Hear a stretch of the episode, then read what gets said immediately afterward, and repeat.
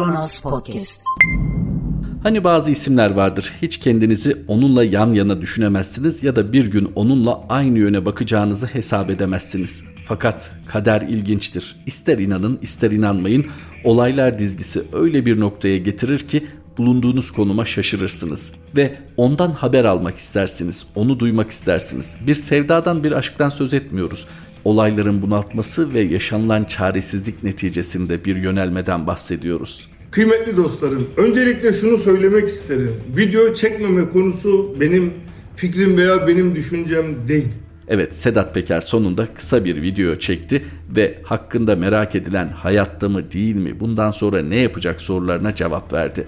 Merhaba 21 Haziran 2021 Pazartesi günün tarihi ve Kronos Haber'de Kronos günden başlıyor.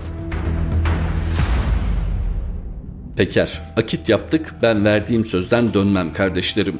Organize suç örgütü lideri Sedat Peker bir hafta aradan sonra 6 dakikalık bir video yayınladı. Peker video çekmeme fikrinin kendisinin düşüncesi olmadığını belirterek bazı arkadaşlarımız benim öldüğüm ya da cezaevinde olduğum yönünde şeyler söylemişler. Bu vesileyle bu kısa videoyu çekme zorunluluğu hissettim. Uluslararası güvenlik riski diye bir şey varmış. Suikast yapılabilme riskinde en üst noktadaymışım. Video çekmem konusunda bulunduğum ülkenin kanunları ve dünyadaki uygulamada bu yöndeymiş. Kafa karışıklığı olduğu için kendilerinden ricada bulundum. Biz akit yaptık. Ben verdiğim sözden dönmem kardeşlerim. Sizin de dönmeyeceğinizi biliyorum. İlerleyen zamanlarda çok eğleneceğiz dedi. Peker videoyu kendisi hakkında çıkan yakalandı. Paylaşımları başkaları yapıyor iddiaları üzerine oluşan kafa karışıklığını gidermek için çektiğini söyledi. Peker yeni videosunda dekor olarak Paulo Coelho'nun Işığın Savaşçısının el kitabına yer verdi. Peker'in masasında yine tripoda takılı bir dürbün yer aldı. E, Sedat Peker sağlığını duyurduğuna göre ve bundan sonra da fırsat bulursa videolar çekeceğine söz verdiğine göre devam edebiliriz.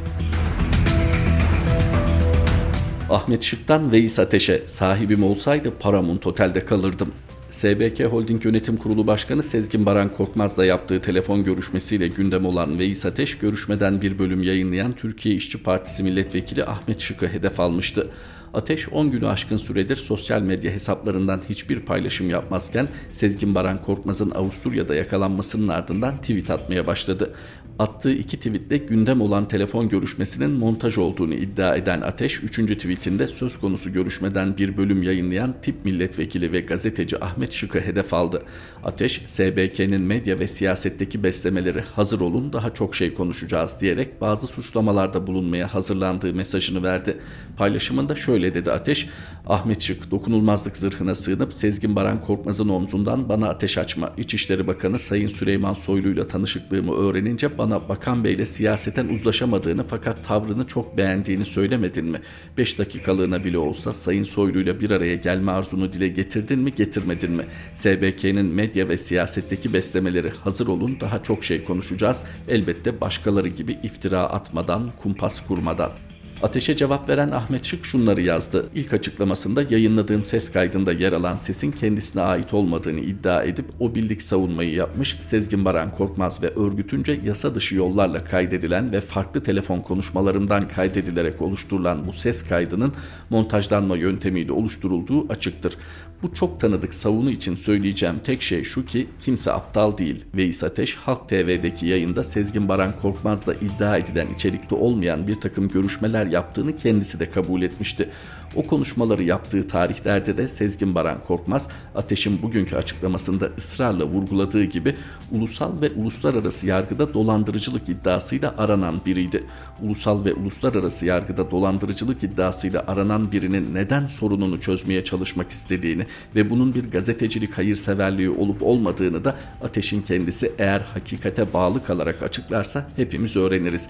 Eğer ki panik halinde saçmalamak yerine hakikatleri konuşursa bu iyiliksever girişiminin 20 yıldan uzun zamandır dostluğu olan Süleyman Soylu'nun İçişleri Bakanı olmasıyla ilgisi olup olmadığı da ortaya çıkar. Veys Ateş sahibi tutuklanan bir takım şahıslar iş üstü yakalanmanın telaşıyla alelacele montajlanmış bu ses kaydını tıpkı geçmişteki örnekleri gibi sosyal medyada servis etmişlerdir demişsin. Buna yanıt vermek bile gereksiz Ahmet Çık şöyle diyor, bilmelisin ki bir sahibim olsaydı Sezgin Baran Korkmaz'dan istenilen 10 milyon avro rüşvet için beni de aracı kılmak isterlerdi. Bir sahibim olsaydı ben de Silivri hapishanesinde değil, mafya yöntemleriyle gasp edilmiş Paramount Otel'de kalırdım ve bir sahibim varsa o kesinlikle kendimden daha fazla saygı duyduğum hakikatten başkası değildir.''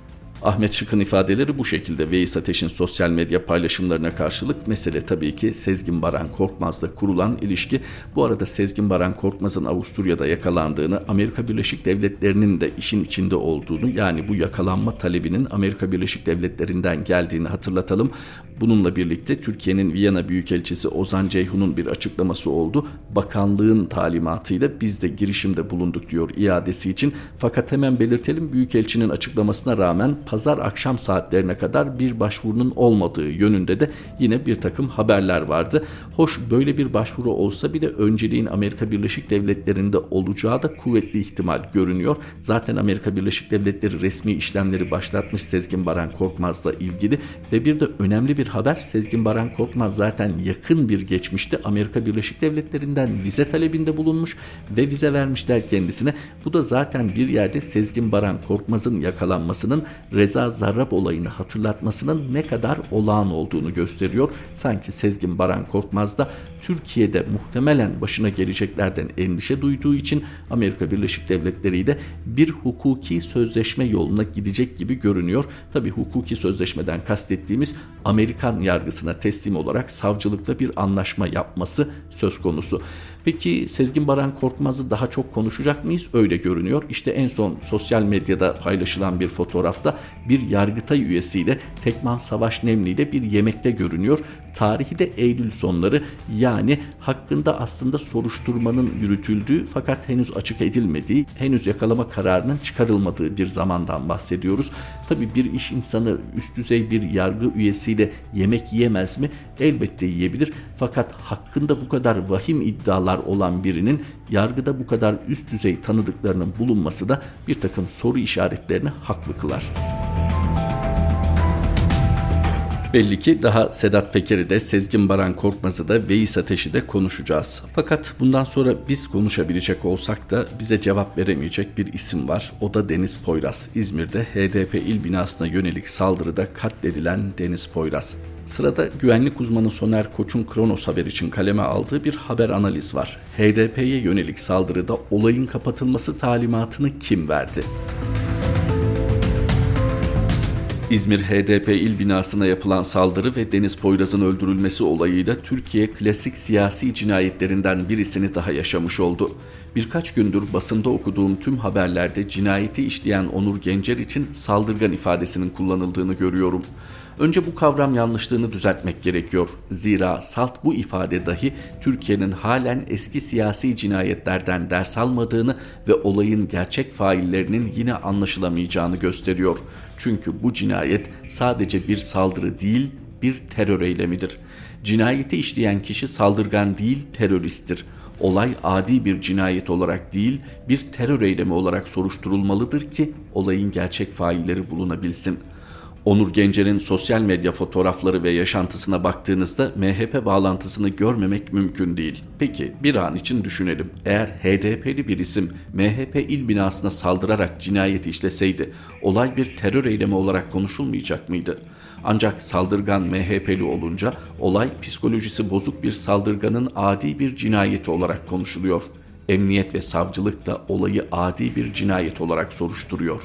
Son dönemde özellikle cemaat soruşturmalarında 15 ila 30 gün gibi gözaltı uygulamalarını görüyoruz. Ancak bir bakıyorsunuz ki sonuçları çok ağır olacak bir cinayette fail 24 saat bitmeden tutuklanıyor. Mesela teröristin ev araması yapıldı mı? Yapıldıysa arama sonucu ne? En son hangi adreslerde bulunmuş? Bu adresler arandı mı?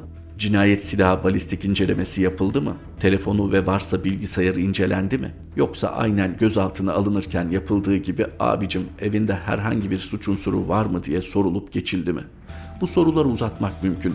Belki de bu işlemler yapılmış olsa saldırının arkasındaki yapıya dair deliller elde edilmiş olunabilirdi. teröristin 24 saat içerisinde tutuklanması, olaya karşı gösterilen tepkinin değil, olayı kapatmaya yönelik bir girişimin göstergesidir. Peki bu olayın arkasındaki faillerin ortaya çıkmasını kim neden engellemek ister? Bu noktada soruşturmayı yürüten İzmir Emniyeti'nin bir numaralı ismi İl Emniyet Müdürü Hüseyin Aşkın'a odaklanmak lazım. Zira Emniyet Müdürü Aşkın, Sedat Peker'in sağ kolu Boğaç Kağan Murathan'la olan fotoğraflarıyla gündeme gelen ve MHP'ye yakınlığıyla tanınan bir isim hem teröristin hem de soruşturmayı yürüten emniyet müdürünün MHP'li oluşu ve olayla ilgili hiç araştırma yapılmadan tutuklama yapılması sizce birbirinden bağlantısız konular mı? Emniyet Müdürü aşkına olayı daha fazla büyütmeden ve derinleştirmeden kapatması yönünde MHP ve iktidar içerisinden bir telkin gittiği anlaşılıyor. Muhalefete baktığınızda ise cinayetten iktidarı sorumlu tutuyor. Ancak bu sorumlulukta tek gerekçe olarak iktidarın HDP'yi PKK ile özdeşleştirerek hedef göstermiş olduğunu ileri sürüyorlar. Oysa iktidarın sorumluluğu bunun çok daha ötesinde. İzmir İl Emniyet Müdürü ve soruşturma savcısına olayı uzatmadan kapatmaları talimatını kim vermiş olabilir? Onur Gencer'in ilk ifadesine baktığınızda da ifadenin kendisine daha önceden ezberletildiğini anlayabilirsiniz. Gencer ilk ifadesinde hiç kimseyi tanımıyorum, kimseyle de bağlantı kurmadım, terör örgütü PKK'dan nefret ettiğim için böyle bir şey yapmak istedim, binaya girdim ve rastgele ateş ettim, ardından da teslim oldum diyor. Bu beyanlar psikolojisi bozuk bir saldırgandan çok kendisine cinayet talimatı verilen ve cinayet sonrasında cezadan kurtarılacağının sözü verilen bir tetikçi beyanına benziyor. Zaten olayın bir terör eylemi olarak değil de adi bir cinayet olarak soruşturulması göz önüne alındığında bu cinayeti işleyen Onur Gencer'in kısa süre sonra tekrar sokaklarda gezmeye başlaması oldukça mümkün görünüyor. Güvenlik uzmanı Soner Koç'un satırları ve haklı soruları yer alıyordu. Aktardığımız haber analizde sırada Ali Nozinyan'ın satırları var. Ali Nozinyan da tetiği çeken Onur Gencer olsa da aslında katil listesinin kalabalık olduğundan bahsediyor. Deniz'in katili çok. Halkların Demokratik Partisi'nin İzmir'in Konak ilçesindeki il binasına perşembe günü düzenlenen silahlı saldırıda gencecik bir kadın Deniz Poyraz hayatını kaybetti. Poyraz'ın annesi Fehime Poyraz'ın olay yerindeki çığlıkları yeter ne kadar kan dökülecek, daha ne kadar gençler ölecek diye feryat etmesi kulaklarımdan gitmiyor. 90'lı yıllarda İzmir'e göç eden Kürt bir ailenin kızı olan Deniz, parti üyesi ve çalışanı annesi Fehime Poyraz elinden ameliyat olduğu için onun yerine ofise gitmiş. Deniz Poyraz'ı tanıyanlar ailesinin maddi zorluk çektiğini, Poyraz'ın hem ailesine hem de HDP'ye destek olmaya çalıştığını söyledi. Saldırının ardından paylaşılan fotoğraflarda Deniz Poyraz'ın domates, zeytin, ekmekle çaydan oluşan yarım kalan mütevazı kahvaltısı akıllara kazındı. Bu fotoğraf bana 2007'de sokak ortasında öldürülen Hrant Dink'in delik ayakkabısının fotoğrafını hatırlattı. O günlerde muktedirlerin ve uydularının hain Türk düşmanı dediği Dink öldürüldüğünde ayağında delik bir ayakkabı olması, daha sonra ise bir yetimhanede büyüdüğü gerçeği insanları bir an durup düşünmeye zorlamıştı. Fehime Poyraz, üç çocuğumu cezaevine koydular, denizimi de elimden aldılar dedi. Baba Abdülilah Poyrazsa zulme karşı binlerce deniz var.'' Bunlar yaşanırken Deniz Poyraz'ı katleden Onur Gencer 24 saat bile gözaltında kalmadan tutuklandı. İlk andan beri tahmin ettiğimiz şekilde tek kişilik eylem senaryosu uygulanacak. Belki psikolojisi bozuk bir kişinin kişisel eylemi denilecek. Oysa BBC Türkçe'ye konuşan HDP İzmir İl Eş Başkanı Abdülkadir Baydur, olay günü il binasına gitmeden önce büfeden kahve aldığını, bina önüne geldiğinde kapıda bekleyen sivil polislerin binaya girmesine izin vermediklerini, beklerken silah seslerini duyduğunu anlatıyor. Binanın kapısında 3 sivil polis bekliyordu ve ikinci katta saldırgan var dediler. Girmeme izin vermediler. Neden müdahale etmediklerini sorduğumda çelik yelekli güvenlik güçleri gelecek dediler. Yukarıdan silah sesleri geldi. Arkadaşımız katledildi. Saldırgan 30 dakika içeride kaldı diyor. İl binasının karşısında oturma eylemi yapılan çadıra da değinen Baydur, orada onlarca polis var. Zaman zaman binaya gelenlere şüpheli gördüklerine GBT sorgusu da yapıyorlar. Oradaki çadır seyyar karakol gibi. Bu yüzden sürekli olarak onlarca güvenlik gücü mevcut diyor. Baydur çadırı ziyaret edenler tarafından il binasına defalarca siyah çelenk bırakıldığını, partilerine hakaret edildiğini, il binasının saldırı tehdidi altında olduğunu, güvenlik önlemi alınması için 6 ay içinde 3 kez İzmir İl Emniyet Müdürlüğü'ne başvurduklarını ve netice alınmadığını da belirtiyor. Basın aracılığıyla hedef gösteriyorlardı. Defalarca valilikten randevu talep ettik ama kabul etmedi. Emniyet Müdürlüğü de başvurularımızı dikkate almadı diyor Baydur ve ardından bu cinayet geliyor. Hedef gösterme, tehdit ve olayın gidişatı da Dink cinayetini andırıyor. Onur Gencer'in aldığı silahın ruhsatı tüm keşif çalışmaları sırasında nasıl yakalanmadığı, olay öncesinde kimlerle buluştuğu, anlaştığı, yardımlaştığını soran olmayacak.'' Suriye'ye gidecek sağlık ekibine nasıl girdiği, MHP-AKP bağlantıları, kaldığı oteller işe hiç karıştırılmayacak. Olay sabahı polisin belgesiz açıklamasız HDP binasının girişinde bulunan işyerlerindeki tüm kamera kayıtlarını aldıktan sonra kayıt cihazlarını formatladığı unutulacak. Sosyal medyaya yansıyan ihlasın servis ettiği görüntülerde polisin nedenli sevecen ve koruyucu olduğunu, katile adın ne abicim dediğini hepimiz duyduk.'' Sıradan bir öğrenci protestosunda bile üniversitelilerin nasıl gözaltına alındığını, tek kişiye 10 polisin nasıl çullandığını, takılan ters kelepçeleri, çıplak aramaları bilirken bu olup bitenin ne olduğunu anlamak zor değil. Binadan çıkartılırken kimseye zarar vermedim dedi Gencer. İfadesinde de pişmanlık belirtmiyor. Pişmanlığı yok. Hem emniyette hem adliyede aynı beyanı tekrarlıyor. İçimi soğutmak için yaptım. Beni serbest bırakın.'' Bu silaha 10 mermi koyarak bugünkü olayı gerçekleştirdim. Olay yeri olan HDP il binası içerisinde 10 mermiyi de sıktım. Amacım birkaç kişiyi orada bulabilmekti ancak sadece bir kişi oradaydı. Buraya da PKK'lıların geldiğini düşündüğümden herhangi bir ayrım yapmadım. Çocukluktan beri PKK'lı öldürmek için planlar yaptım diyor Gencer. O bu ifadeyi verirken biz onun sosyal medyada bayraklı kurt işareti yaptığı fotoğraflarına bakıyor, Ermeni dölleri hayatınızı kin yuttum, kan kusturacağım hepinize sözlerini okuyorduk. Hissettiği nefret de Dink cinayetini hatırlatıyor. O gün Samas'ta benzer bir kinle yıkanmıştı. Bu cinayet Dink cinayetine benziyor çünkü temel azmettiricisi hepimiz farkındayız ki aynı güç. Bu cinayet Dink cinayetine benzemiyor çünkü bugün temel azmettiricisi hükümetin neresinde, ne kadar uzağında, ne kadar tanıdığımız bir yüz bilmiyoruz. Gencer'in sözlerini okurken son birkaç yıl boyunca ülkeyi yöneten güçlerden duyduklarımızı duyuyor gibi oluyorum. Kimseye zarar vermedim diyor Gencer. HDP'li ya da Kürt onun için insan değil çünkü. HDP demiyor hiç, PKK diyor. Onun için HDP yok. Partinin resmiyetini ve 6 milyonluk tabanını kabul etmiyor. Daha çok kişi öldürecektim. İçimi soğutmak için yaptım. Beni serbest bırakın diyor Gencer gerekeni yaptığını anlatarak.'' Gencer'in sözlerinin MHP Genel Başkan Yardımcısı Semih Yalçın'ın HDP halk düşmanıdır, tabiat ve insanlık düşmanıdır. Terör örgütü HDP kamilen itlafı gereken bir siyasi haşere sürüsüdür. Ağızları kapatılması gereken kravatlı mazbatalı güruhtur sözlerinden ne farkı var?''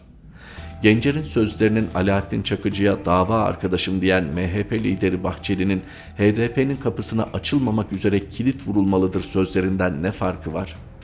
Gencer'in sözlerinin bu daha iyi günleriniz diyen Cumhurbaşkanı'ndan ne farkı var? Ben bu cümleleri yazarken Erdoğan bir açıklama yaptı. İzmir'deki provokatif saldırıyı en şiddetli şekilde kınadık, kınıyoruz. Benzerlerini de kınayacağız. Yakalanan failin önündeki ve arkasındaki tüm ilişkiler ortaya çıkarılarak en ağır cezayı alacağına inanıyoruz dedi. Benzerlerini de kınayacağına söz verdiğine göre sıcak bir yaz bekliyor olabilir Türkiye'yi. 2015 yazı gibi bir yaz.'' Diğer dediklerini artık ciddiye almaya gerek yok. Dink cinayetinden sonra sıkılan kurşun aslında Türk milletine, Türkiye'ye sıkılmıştır. Türk demokrasisine, özgürlüklere sıkılmıştır demişti. Sonrasını biliyoruz. HDP'nin İzmir'in Konak ilçesindeki il binasına perşembe günü düzenlenen silahlı saldırıda gencecik bir kadın Deniz Poyraz hayatını kaybetti. Kurşunu sadece Gencer sıkmadı. HDP'ye terörist diyen herkes, HDP'nin kapanmasını isteyen herkes, HDP'yi Türkiye'ye yakıştırmayan, HDP'ye siyaset yaptırmayan ve şeytanlaştıran kim varsa bu cinayetin azmettiricisi, kışkırtıcısı ve ne yazık ki suç ortağı oldu. Bu suç ortaklığından geç de olsa kurtulmanın tek yolu benzer olaylardan sonra yalnızlaşacağı hesaplanan HDP'yi yalnız bırakmamaktır.'' HDP seçmeni nasıl gerektiğinde CHP'ye omuz verdiyse bugün de CHP ve diğer AKP muhalifi partiler korkmadan, çekinmeden HDP'ye omuz vermelidir. Yan yana muhalefet bloku oluşturmalıdır. AKP'yi göndermenin, ülkeyi dönülmeyecek bir karanlığa teslim etmemenin yolu budur. Ülke düze çıkınca sonra yine herkes kendi yoluna gider.''